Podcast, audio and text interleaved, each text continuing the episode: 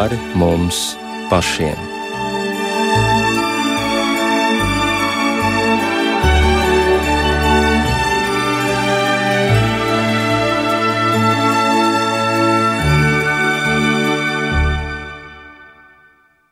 Esiet sveicināti raidījumā pāri mums pašiem, lai ir slavēts Jēzus Kristus. Studijā Inte Zēgnerē par skanējumu rūpējas Mārtiņš Paiglis, bet mūsu raidījuma viesis šovakar ir publicists Cārnis Šablovskis. Tiesa būs arī vairāki citi viesi, ar kuriem mēs ceram sazvanot, sazvanīties telefoniski. Mēs eh, satiekamies nu jau otrajā adventē, ir aizdegta vēl viena svece adventa vainagā, un kā savulaik ir sacījis dzēnieks Leonīds Breikšs, mēs esam augšām celšies pēc nakts, kas ilga bija, lai tāpēc dziesmu katras sirds met pretī debesī. Jā, ir šis tāds laiks, kad mēs metam savus skatienus pretī gaismai, gribam aizvien vairāk šo gaismu un šo cerību satvert cauri šim tumšajam laikam. Un Arni, tu pavisam nesen esi atgriezies no Ukrainas, un kamēr biji tur, sūtīja arī tādas fotogrāfijas, kā arī tur tiek iedegtas šīs gaidīšanas gaismas, tāpat ir izrotātas eglītes, tāpat var redzēt šo vēlmi un cerību. Varbūt vispirms dažus vārdus par to. Nu, protams, nav tāpat. Ir ir ārēji, varbūt ir tāpat. Man bija dāvana tur sabūt divas nedēļas. Bet, bet, protams, tas ir pavisam cits nervs, cita dzīves uztvere. Drīzāk man bija tāda sajūta, ka es esmu nonācis tajā laikā, kurā latviešu strēlnieki uh, formējās, gatavojās cīņām un cīnījās. Es biju Ļuvijā šīs divas nedēļas, un tur tā tad ik pāris dienas tiek izlikti plakātiņi ar tiem zaldātiem, no kuriem tiem kareiviem, no kuriem Ļuvija atvadās. Un pēdējais, pēdējais bija varbūt īpaši emocionāls. Tas bija karavīrs, kurš bija kritis 19 gadu vecumā. Tā, tā ir pavisam cita sajūta, cits nervs tur nu, tu jūties kā martīra vidē nonācis. Tie ir cilvēki, kas apzināti upurē savas dzīvības, ko mēs arī šeit lēnām saprotam, lai pasaule, lai Eiropa varētu turpināties, lai būtu vērtības, kas liktu mūsu vidi, mūsu planētu nosaukt par civilizētu, vismaz Eiropā un Amerikā. Nu, tā, tāds ir tas nervs. Pilnīgi savādāk, es teiktu. Jā, acīm redzot, cits nervs ir arī šajos divkalpojumos, kuros tu esi bijis. Nu, īpaši, īpaši tā ir Pētera, Pētera Pāvila baznīca, kas ir garnizona baznīca, kur, no kuras arī pamatā izvada šos, šos kareivus. Uh, Un, protams, tā gaisotne ir neatkārtojama. Tā jūt, nu, tādā nozīmē es jūtos kā svētceļojumā bijis un, un tieši pie martīriem pieskāries. Tur ir izstāde par tiem, kas ir krituši. Tur ir arī krusts, kas ir atceļojis no kara lauka. Tā, kā, nu, tā ir neatkārtojama atmosfēra, neatkārtojama vide, un tu absolūti sajūti te top pasaules nākotne, Eiropas, Eiropas nākotne. Te ir cilvēki, kas apzināti ir devuši savu dzīvību par to, lai mums būtu cerība un, un dzīvība. Jo tas jau sen jau nav jautājums par Ukrajinu, tas ir tiešām jautājums par esamību tālāk. Un to saprot arī brīvprātīgie, kas pavisam nav Ukraiņas pilsoņi, bet nes kādu motīvu vadīti. Viņi iesaistās šajā cīņā, un arī ar mm. dažiem no viņiem tev izdevās sastapties. Nu jā, tad mūsu saruna nedaudz ievirzās man negaidītā eh, gultnē, bet nu jā, es biju kādā hostelī tieši tad, kad lidoja tās apmēram simts raķetes. Un tad, kad nodzisa visa gaisma un nebija nekāda interneta, tad uh, tur priekšstāvā es pēkšņi redzu divi jaunieši, ne bezrūpīgi, bet tā, teiksim, iekšēji mierīgi, ir, ir ar saviem telefoniem ieslēguši gaismas un spēlē šahu un blakus varbūt ir tas, ko šādā redzījumā nevar pieminēt, bet nu, labi, tas bija somu šnabis, ko viņi malkoja un spēlēja šahu. Un es pievienojos šiem šahistiem arī, un tad viens izrādījās 22 gadus jauneklis no Amerikas, kas bija atlidojis uz uh, Ukrainu 25. februārī, tātad dienu pēc. Tajā brīdī viņam bija 21 gads, un pa šo laiku viņš ir paspējis divus gadus būt leģionārs. Oficiāls leģionārs, un šobrīd viņš ir, sakot, um, oficiāls drona pilots, ko viņam apmācīja kāds cits Amerikas brīvprātīgais, kas, kam ir 60 vairāk gadi, kas brauc atpakaļ. Otrs savukārt ir Somijas 27 gadus uh, jauns, kas šos dronus no Somijas piegādā. Un šie jaunekļi nu, nav ārēji nekādā ticībā, nekādā, nekādā reliģijā, bet viņi man bija paraugs tādā nozīmē, un tajā nozīmē, saka, ka tas ir strēlnieks gars. Viņš tur tālāk Amerikā sajuta. Sapakoja uh, savus mantiņus un devās otrajā dienā pēc kara sākuma. Un pēc tam es varēju ar viņu apēst arī pusdienas. Šāda sastapšanās man liek uh, nu, ar lielu cerību skatī, skatīties pa, pa, pas, uz pasauli. Jo, jo, teiksim, jo tie ir strēlnieki, kas nav Ukraiņas strēlnieki, bet, bet no ārpuses viņi sajūta, ka viņiem tas ir jādara. Nu, tā, tā ir apmēram tāda atmosfēra, kas varēja valdīt latviešu strēlnieku vidē. Nu jā, tomēr vēl ielūkosimies nedaudz arī kādā no Ļuvijas baznīcām un no šīm Ukrainas baznīcām. Esmu saņēmusi arī video, kur es redzu, ar kādu dedzību tiek dziedātas šīs lūkšanas, ar cik dziļu nopietnību un cik dziļu izpratni par lietām cilvēki izsāp savu sāpi un cik pamatīga ir šī vēršanās pie Dieva. Nē, nu, vēl patiesāks cilvēks es neesmu redzējis. Jauni cilvēki, tā tad viņi tur ir Dieva priekšā. Un, uh, Un, un, un, un teiksim, ir, piemēram, tā Pētera Pāvila baznīcā ir astoņi dievkalpojumi svētdienā, un es uzdrošinos teikt, seši no tiem ir, ir, ir pārpildīti. Tas ir pilnīgi kaut kas, kas liek ar, vienkārši ar pietāti skatīties un ieklausīties un, gan sevī, gan arī tajā, kas tur notiek. Jā, un arī mēs šajā raidījumā mēģināsim ar pietāti gan saprast, gan ielūkoties mazāk zināmos faktos, kas ir saistīti ar mūsu vēsturi un saistīti arī ar tieši šo decembra pirmo svētdienu, kurā, ja būsiet pamanījuši, ielās ir izkārti mūsu valsts karogi ar sēru lentīti. Un bieži ir izskanējis arī fakts, ak, nu kāpēc ir tik daudz sēru dienu, mēs tikai sērojam un pieminam, sērojam, pieminam. Un, eh, kā paskatījos, vismaz pēc Wikipēdijas statistikas, tad 86% eh, iedzīvotāji nemaz nezina, kas tad šodien būtu tāda atkal par dienu, kas mums būtu jāpiemina. Nu šodien, šodien arī pateicoties Ukraiņu garam, varbūt kaut kas ir mainījies, jo, jo, jo šī, šis ir 24. gads, kopš šī diena tiek atzīmēta, bet, bet man šķiet, ka iespējams, ka pirmo reizi vai, vai vienu no retajām reizēm šī ziņa tomēr uh, nonāca arī panorāmas ziņās, uh, bet uh, tādā kontekstā, ka pie, pie okupācijas muzeja Rīgas doma kopā ar okupācijas muzeju atvēra Ukraiņu inicēto izstādi komunisms 20. gadsimts, rašins 21. ar, ar liecību par, par Ukrainu. Un, un tajā atklāšanā gan Ukraiņas vēstnieks, gan, gan okupācijas muzeja direktori, gan vēl daži šo dienu pieminēja. Un Ukraiņas vēstniekam bija pilnīgi skaidrs šī saikne starp šīm lietām. Bet, bet tas, ka šī, šī diena ir ar, bijusi ar nu, zināmu paviršību, ka nenotiek neviens, es teiktu, nu, tāds reāli valstiski nozīmīgs pasākums, lai atcerētos šos 16,000 nogalinātos latviešus 37. un 38. gadā. Tas man šķiet ir, ir ļoti, ļoti, ļoti liels parāds pret mūsu identitāti, pret šiem cilvēkiem. Pret mūsu tautiešiem, kas ir miruši Krievijā. Bet man, man bija tāda sajūta, ka šodien nu, kaut minimālā veidā kaut kas drusku izkustās, kaut kas mainās.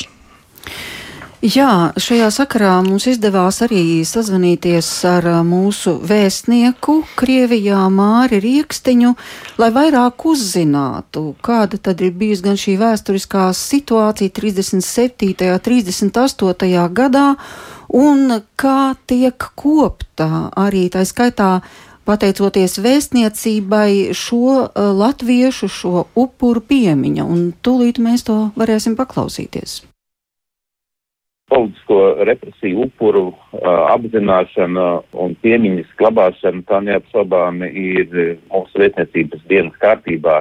Un tas ir objektīvi, jo, protams, tā vēsture, kāda ir Latvijas-Krievijas attiecībās, gan arī tas laiks, kad Latvija pirms neatkarības iegūšanas bija cilvēki, kas devās uz Krievijas uh, impērijas citiem reģioniem vai nu labākas dzīves meklējumos, vai arī Pirmā pasaules kara laikā bēgļi. Tā kā latvieši patreizajā Krievijas teritorijā ir nonākuši nu, dažādos veidos.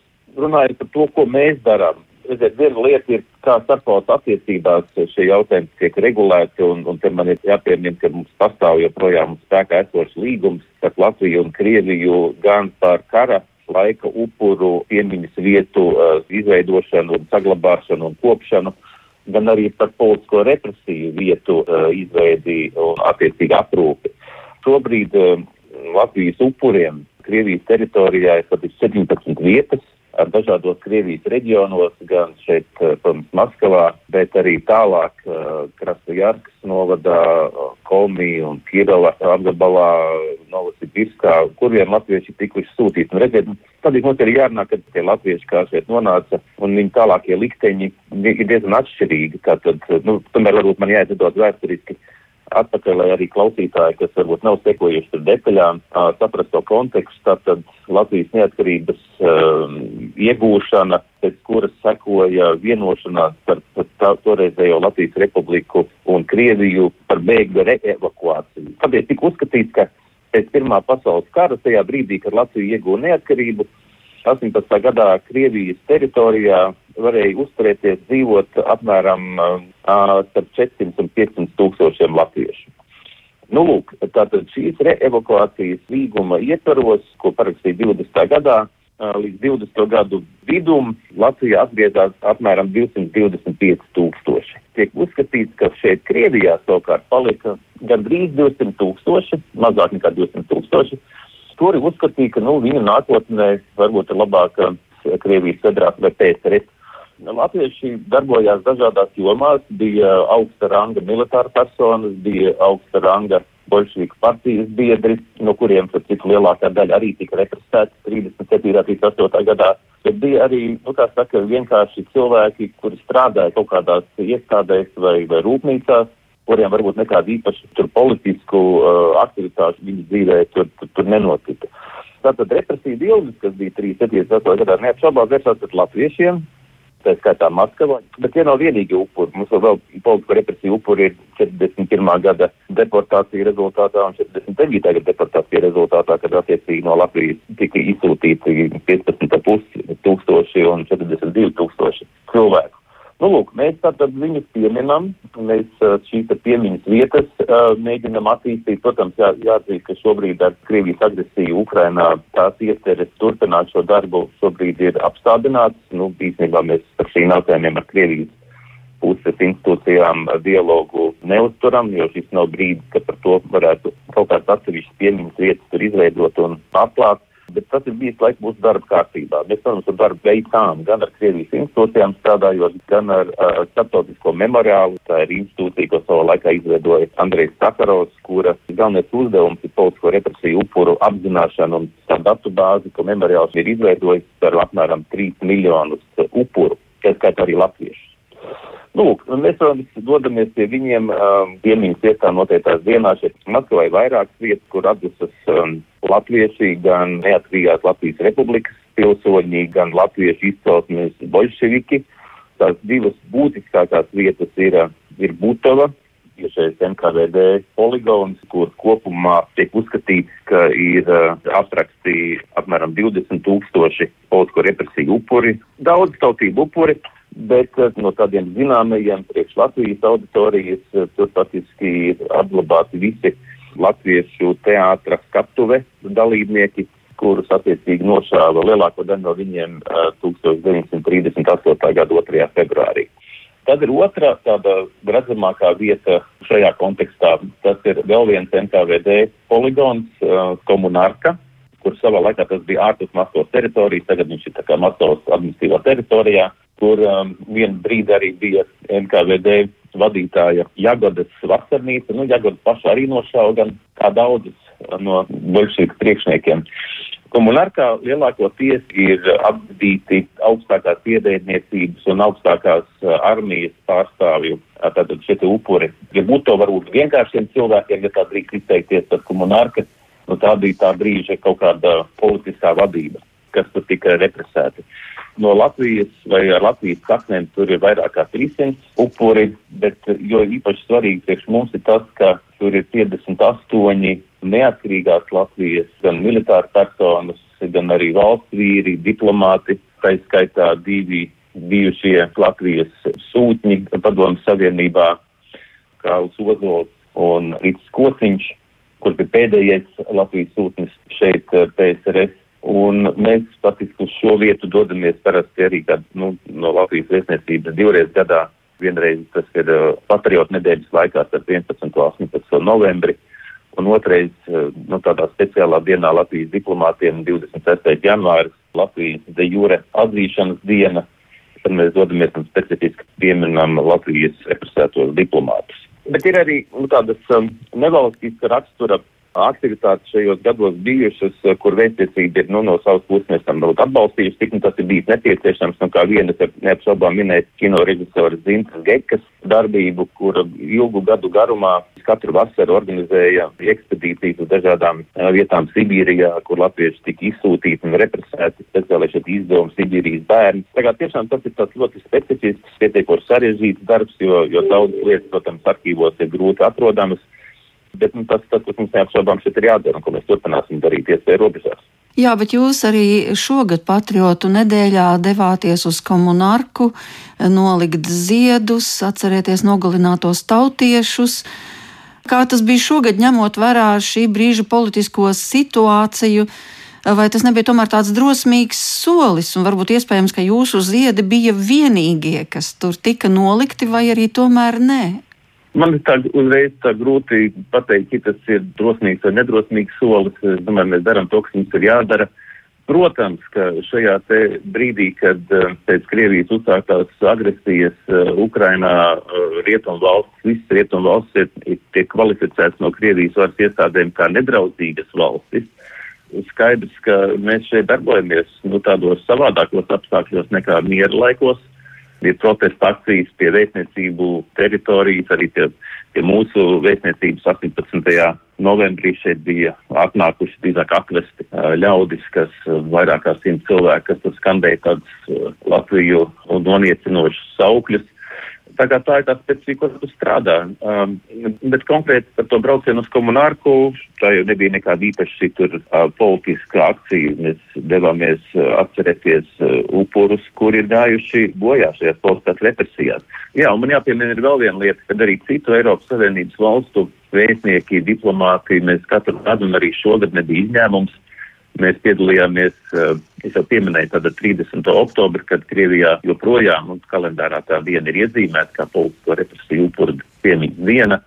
Ir tāda akcija, kur organizēja vienmēr ir memoriāls, kuru gan šobrīd formāli Krievijas vara caur tiesas lēmumiem ir likvidējusi. Uh, ir tāda akcija, tad Lubjankas laukumā pretī bijušajai Čekas mājai, tur ir uh, Solovetskas akmens, Solovetskas ulaga nometne ir viena no pirmām gulaga ieslodzību nometnēm Padomu Savienībā, un tur ir tās piemiņas akmens, kur katru gadu šajā dienā cilvēki nāk un stājās rindā un lasa šo te politisko represiju upuru vārdus. Nu, un tad arī parasti rietumu valstu diplomāti vēstnieki šajā dienā noliek uh, ziedus.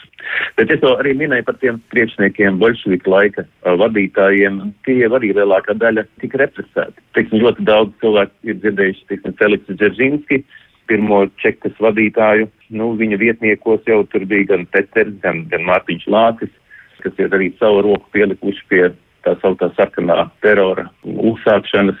Viņi paši arī bija upuri šajām represijām. Vienā brīdī tie stobri pavērsās pret viņiem. Tā kā tie upuri ir ļoti dažādi savā politiskajā un pilsoniskajā darbībā, dzīvē, bet beigās no viņas atgūstās ar blokām. Dzirdējām sarunu ar vēstnieku Māri Rieksniņu. Pie šīs sarunas turpinājumā mēs vēl atgriezīsimies, bet uh, fakti tomēr ir satriecoši par to, ka 37. un 38. gadā Krievijā atradās gandrīz 67 tūkstoši latviešu, apcietināti tika 22 tūkstoši, no kuriem 73% tika nošauti.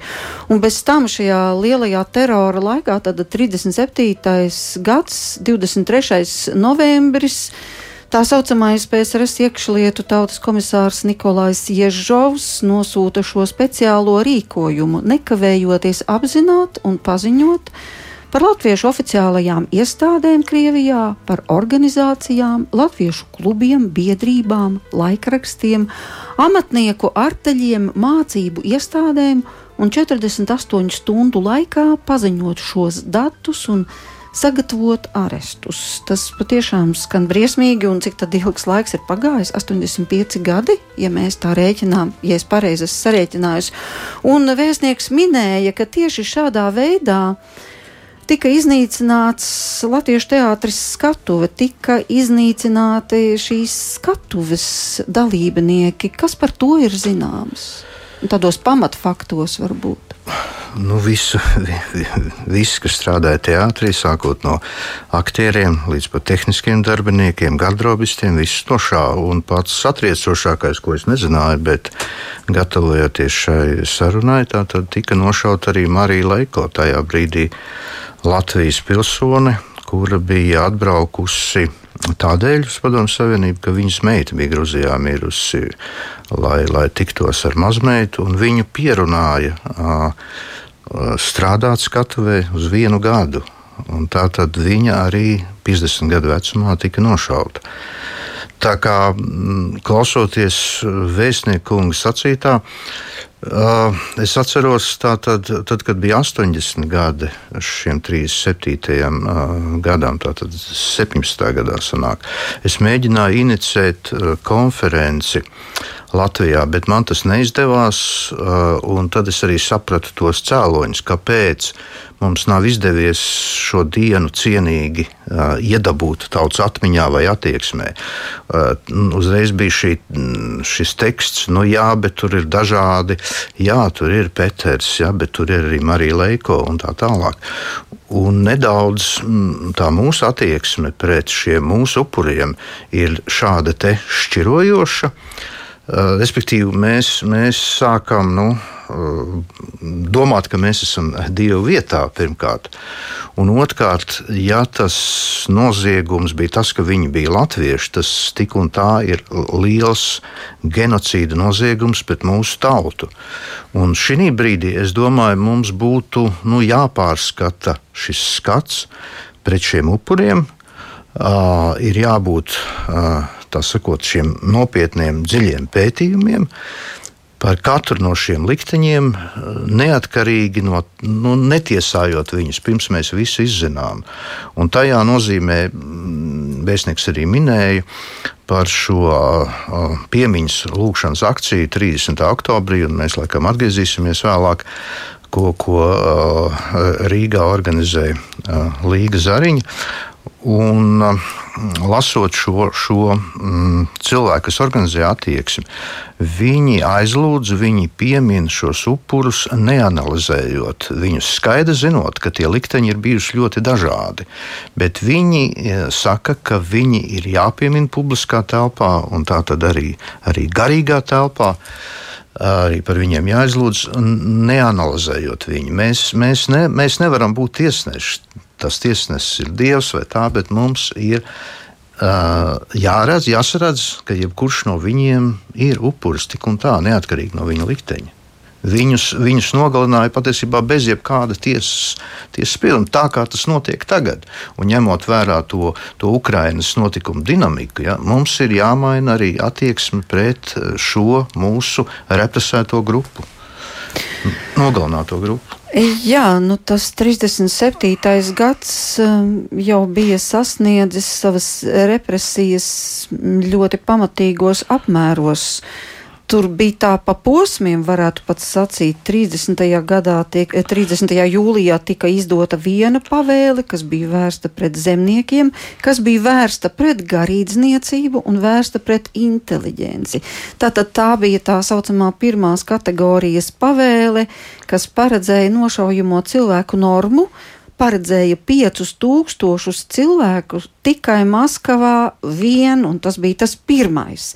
Jā, bet kopumā tas sasniedz pusmiljonu cilvēku, kurus tātad vajadzēja iztīrīt nelabvēlīgas attieksmes dēļ, vai tās acīm pēdiņās pat nelabvēlīgas attieksmes dēļ. Nu, un tad sekoja pēc tam šīs nākošās represijas, jeb tās saucamās nacionālās operācijas. Nacionālās operācijas pret vāciešiem, pret poļiem, pret tiem krieviem, kas bija atgriežušies no Harbinas, atgriežušies tātad no Ķīnas. Nu, un tad jau, kā jau minēju šajā konkrētajā datumā, tika izdota nākošā pavēle, proti, iznīcināt latviešus. Varbūt, ka vēl atgādinot to faktu, ka tu teici, ka neviennozīmīgi ir šī situācija. Tā nozīmē, ka latvieši bija dažādi, bija tādi, kas bija noticējuši ideoloģijai un uh, ar pilnu spāru tā, tā, tā, tā sacīt, uh, jā. es pabeigšu, mm. gribēja celt komunismu un varbūt mm. viņi bija vienkārši apmāti un tikai vēlāk saprata, kas tā ir par sistēmu. Bet, bet tajā skaitā bija daudz latviešu valsts vīru. Tā skaitā armijas cilvēku, ar, ar tiešām, kuri, kuri bija kalpojuši savai valstī un kuri turpat aizgāja mm. bojā, un kur, kuriem tur ir tā piemiņas vieta gan Butovā, gan it sevišķi tā kā vēstniekiem, arī tā skaitā uh, komunārkā. Varbūt šobrīd vēl paklausīsimies, ko ir sacījis vēstnieks Mārs Riekstiņš. Un tad turpināsim ar vēl vienu personību, kas arī šajās dienās ir ļoti svarīga un īpaši arī šajā adventa laikā. Fricis Kociņš, kuru jūs jau minējāt, kuram nācās strādāt ļoti sarežģītā laikā, kad Molotova un Ribbentropa pakts kļuva aktualizēts un kad tika Latvijai šis ultimāts neatkarīgajai Latvijai uzstādīts 16. jūnijā ielaist bez ierunām padomi karaspēku. Sarežģītā laikā un beigās viņš arī aizgāja bojā un tika nošauts. Protams, eh, kociņa dzīves stāsts pēdējais gads, viņš ir tāds īpašs. Arhīvos ir bijusi iespēja tur atrast par tām pēdējām dienām pirms Latvijas okupācijas, un, un tur ir tāda ļoti interesanta saruna, eh, kuras pieraksts ir, ir ticis publicēts. Tad tā reize, kad viņš tika izsaukts pie Molotova, kur Molotovs padomus savienības valdības vārdā iesniedz šo ultimātu, Un tajā sarunas pierakstā, tur interesanti ir tas, ka pociņš cenšas Molotovu pārliecināt par to, ka PSRS pārmetumi nav pamatoti. Viņš saka, dodiet varbūt man nedaudz vairāk laika, es atbraukšu uz Rīgu, runāšos ar cilvēkiem, skatīsimies, ko mēs varam darīt vai nevaram darīt. Un jūs jau taču, Molotovu kungs, ziniet, ka es kā sūtnis vienmēr esmu iestājies par labām attiecībām starp mūsu valstīm, uz ko Molotovs viņam atbild, uh, jā, sūtni kungs, mēs zinām, bet mums nekas pret jums personīgi nav. Mums ir, kā saka, iedodumi pret Latvijas valdību kopumā. Nu, lūk, un tā viss zina, tad nākamajā dienā pēc šī ultimāta iesniegšanas sākās okupācija, armija, kā saka, pārgāja robežu. Kotiņš aizbrauca atpakaļ uz Latviju. Vasaras beigās septembrī viņu arestēja Latvijā, tad atveda atpakaļ šeit uz Krieviju un nākamā gada jūlijā, 41. gada jūlijā viņu nošāva. Lai gan Molotovs teica, ka nekā personīga pret jums kociņkungs mums nav. Nu, viņš jau nebija vienīgais. Es saprotu, tāpat arī Hugo Celmiņš, tāpat arī Jānis Zālītis. Tie arī ir ar vēstniecību saistīti darbinieki, diplomāti. Nu, patiesībā, no, ja tā vispār drīkst nosaukt statistika uh, par šādām lietām runājot, tas varbūt nav tāds īsti ētisks apzīmējums, bet, bet tie skaitļi, viņi ir pietiekoši paši par sevi, kā saka, runāt. Tātad no septiņiem sūtņiem, kas Latvijā pirms kara šeit uh, Maskavā strādāja, trīs tika nošauti, divi mira apcietinājumā un tikai divi izmuka no šī te likteņa, jo viņi tātad okupācijas laikā viņi nebija Latvijā un tā kā no septiņiem pieci gāja bojā represijās. Un tomēr mums ir ļoti maz zināms par viņu likteņiem, arī par viņiem pašiem, kā arī par daudziem citiem, kas tika šādā veidā nogalināti. Nu, tik tiešām šaušalīgi ir lasīt šos faktus, kā ar Lubjankas cietumu bija par maz, kaut gan cilvēkus dedzināja pēc nošaušanas, un tā tad represijām paplašinoties vajadzēja vēl šādus poligonus, kur šaut to Butovu jau minēto un arī komunārku. Un vienkārši cik masveidīgi tas viss bija, bet tajā pašā laikā Mēs ļoti maz to atceramies, un arī Latvijā tie ir dati, ko es skatījos vienkārši Wikipēdijā, ka par šo atceres dienu, kas ir iedibināta 1. decembra svētdienā, par to ļoti daudzi neko nezin. 86% bija minēts cilvēku, kas nezina, kas tā ir par dienu un kāpēc tiek izkārti karogi ar sēru lentīti, bet kāpēc tomēr šī diena būtu ļoti svarīga, varbūt īpaši šobrīd. Nu, es negribu saka, teikt neko vienkāršot un banālu par to, ka, nu, ja tu aizmirsti un nezini savu vēsturi, tad, tad tas ceļš iet uz, uz vēstures kļūdu atkārtošanu.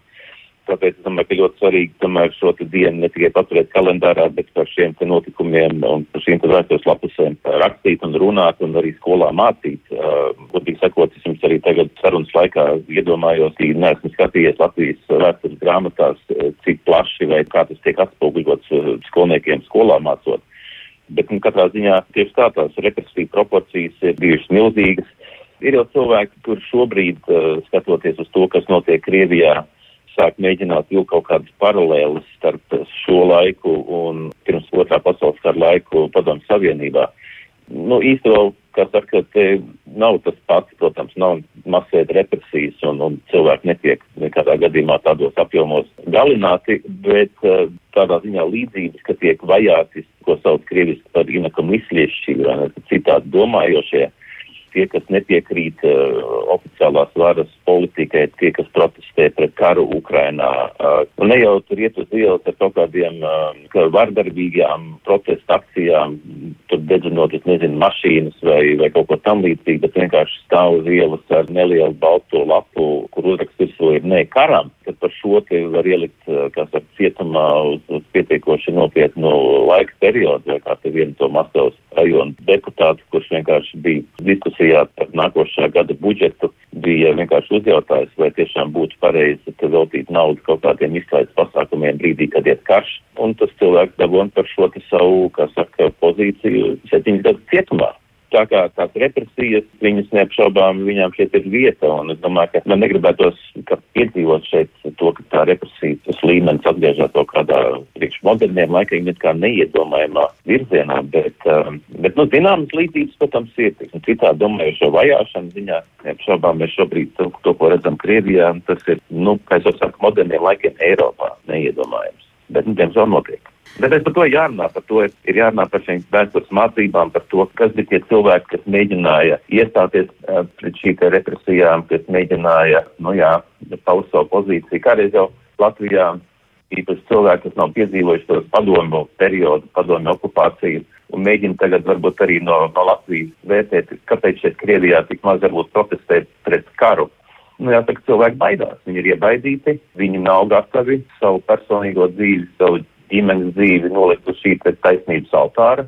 Bet, nu, godīgi, ja mēs paskatāmies savā pašu vēsturē, tad pirms neatkarības atjaunošanas, nu, cik bija tie disidenti, kas bija gatavi zaudēt savu brīvību. Nu, tie, tie vārdi jau nav nemaz tik daudz.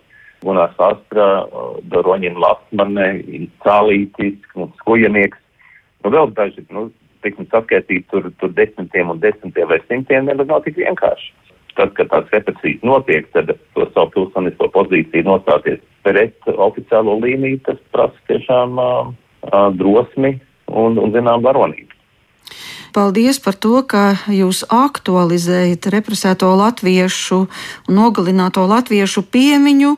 Un vēlu izturību jums un arī visiem jūsu vēstniecības darbiniekiem šajā netik vienkāršajā vietā un netik vienkāršajā darbā. Paldies par labo novēlējumu. Paldies!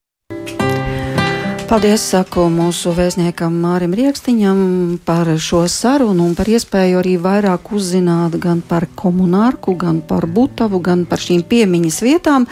Bet savukārt šobrīd mēs esam sazvanījuši Līgu Zariņu, un arī vēstnieks jau minēja šo biedrību memoriāls, kas um, centās visu laiku pirms tika aizliegti aktualizēt noslapkavoto bojā gājušo cilvēku piemiņu, bet tomēr šis darbs tiek turpināts. Labvakar, Līga!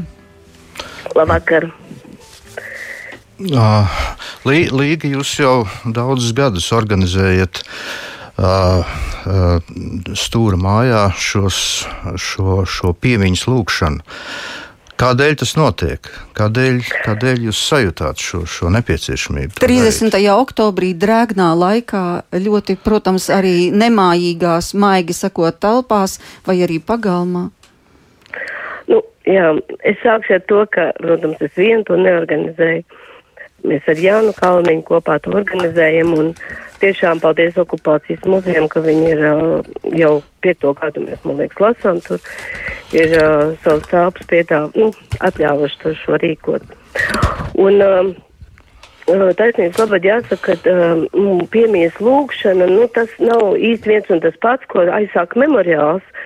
Uh, memoriāli uh, uh, turpināta akcija, viņa tā kā 29. notiek pie šī te akmeņa piemiņas lūkšana. Uh, viņa ir līdzīga, bet to aizsāk pareizīgie kristieši, pareizīgās baznīcas kristieši, kas uh, organizēja um, vārdu lasīšanu, lūkšanu dažādās Krievijas pilsētās un baznīcās. Un mēs paņemam šo iniciatīvu tieši 30. oktobrī. Un um, um, daudz ir teikuši, kas atnāk uz stūra māju, ka tieši šī ir tā vieta, kur tas būtu jādara. Šie vārdi jāpiemina. Bet kāpēc jums tas ir nepieciešams konkrēti jums personīgi, un arī cik tad cilvēki ierodas, teiksim, tiešām šajā drēgnajā laikā, cik daudziem cilvēkiem tas ir svarīgi un kāpēc? Tie, kas ir kopā ar jums tieši tajā brīdī. Jā, nu cilvēki ierodas tāpēc, ka viņi grib atcerēties, vai tie ir tuvinieki, vai tie ir draugi, vai tie ir draugu tuvinieki, vai tie ir cilvēki, kas viņiem ir bijuši svarīgi kas ir cietuši šajās padomu represijās. Kāpēc mums tas ir svarīgi? Nu, tas ir uh, svarīgi, jo uh, tiešām uh, atmiņa padomu laikā tika iznīcināta. Tika iznīcināta, saknes tika nogrieztas. Nu, tā vēlējās šis režīms. Un, uh, kā jau tikko minēja vēstnieks, arī mūsu tā vēsture nav tik, kā mēs skatāmies komunārkas sarakstus, jā, kad uh, bijuši ir latvieši ir varas elitē, ir bijušies represijas orgānos un tikpat uh, daudz ir cietuši mūsu tautieši. Un mums bija svarīgi šo, nu, kā saka, apzināt šo vēsturi. Ir ļoti svarīgi izlasīt šos vārdus, tiešām nešķirojot. Kaut kā apzināt to vēsturi, uh, kāda viņai bija. Jā, un kādu jūs redzat šo attīstību vai šo dinamiku, vai cilvēki nāk vairāk, mazāk, vai šī atmiņa uh, izplēnē, vai arī gluži otrādi tā kļūst aizvien apgaismotāka, tā plašumā izvēršas? Um, kā lai saka, mm, kā kuru gadu, bet šogad, uh, šogad piemēram, nu, nenāk masveidā, bet šogad bija tādi cilvēki, kas ļoti, bija ļoti tāda personīga, uh, ļoti personīga, nu, tāda atmosfēra, ļoti daudz cilvēku dalījās ar saviem dzīves stāstiem. Tie nav tikai latvieši, protams, jo uh, Latvijas, tie ir Latvijas iedzīvotāji, kas tajā laikā dzīvoja, te un tā ir dažādas tautības mēs pieminam. Jā. Un tāpēc arī par saviem tuviniekiem stāsta. Um, kas cieta, nu, pārsvarā 40. 49. gadā. Jā, liels paldies šobrīd saku Līga par to, ka aktualizējāt arī šo 30. oktobri un šī piemiņa turpināsies, bet šobrīd vēl ieklausīsimies kādā nelielā personiskā uh, jā, arī atmiņu fragmentā, kas ir saistīts ar Leonīdu Breikšu, jo arī viņš gāja bojā. Viņš, viņa dzīve aprāvās, nebija pārāk gara. Tieši pirms 80 gadiem. Tieši pirms 80 gadiem, un tieši pirms simts arī tika publicēts viņam pirmais dzējolis Ziemassvētki. Un šīs atmiņas ir Lidijai Lasmanai. Es jau viņu dzējā iemīlējos, tad, kad tā tika sāka rakstīt, es jau vesels simt gadu dzīvoju šai pasaulē, ļoti maz pietrūkt. Un mani aizkustināja arī visa, faktiski visa brēkšu ģimene. Viņa tēvs bija aizbraucis peļņā uz Krieviju, tā kā mēs tagad braucam uz Angliju vai Ameriku un tā tālāk. Jo Latvijā viņš bija ticis pie izglītības un pieņēma kaut kādu mājas pāraudzību kaut kādam aristokrātam. Tanī laikā tas notika tā, kad mēs bijām zem impērijas. Un tad, kad Latvija sāka atbrīvoties, tikko, tikko bija iespējams atbraukt uz Latviju.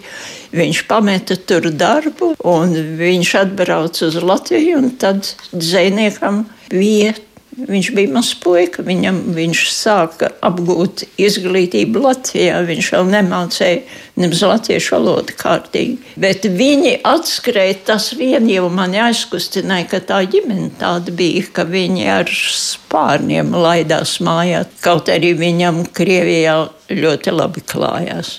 Jā, bet liktenis izvērtās ļoti traģisks, tāpēc, ka Sākumā jau viss tā ļoti saulaini izskatījās, gan pirmā gimnāzija, gan iespēja arī publicēties. Tieši simts gadi paiet, kopš viņš publicēja savu pirmo un, dzējoli nu, jā, 1922. gadā. Un šis dzējos bija saistīts ar Ziemassvētkiem. Nu jā, viņš atbrauca mazs puika tajā laikā, kad uh, Latvija izkaroja sev brīvību. Un eh, es domāju, ja ģimene tajā piedalījās un viņi par to mājā bija tāda atmosfēra, arī viņš tāds izauga. Un visa tā jaunā Latvijas atmošanās, viņš to no bērnības, no jaunības kopā izdzīvoja. Un ulmeņlaiks iespaidoja ar dzimtenes mīlestību.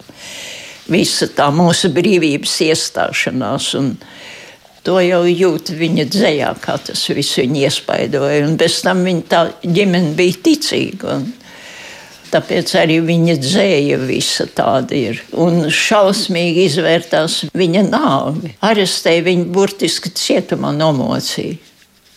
Gunārs Frēmans draudzējās ar viņa radiem. Jo ar Gunāru kopā mēs skaitījām tās brēkšu dzējas vienmēr un, un atcerējāmies viņa dzimšanas dienu. Es šad un tad paņemu to brēkšu grāmatu un, un atceros.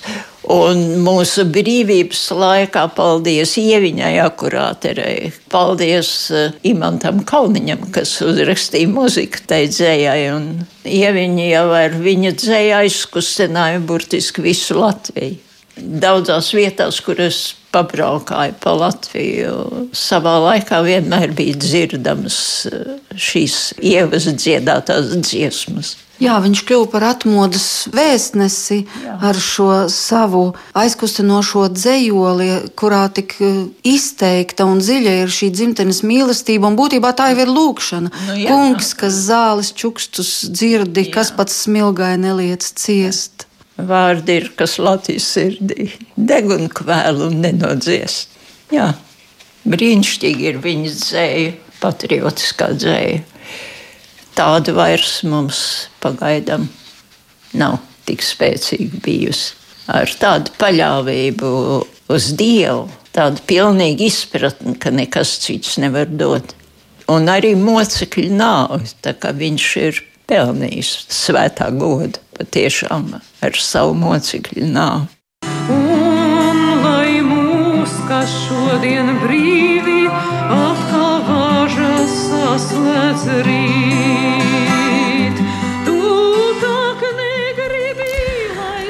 Leonīda Breikšā lūkšana, un par Leonīdu Breikšu noteikti ir jāgatavo vēl viens raidījums, un tāpat arī mēs runāsim ar Lidiju janvārī kad viņa stāstīs savas atmiņas, bet šobrīd vēl esam sazvanījuši vēsturnieku Jāni Riekstiņu. Labvakar! Jūs esat īpaši pētījis šīs 37. 38. gada represijas.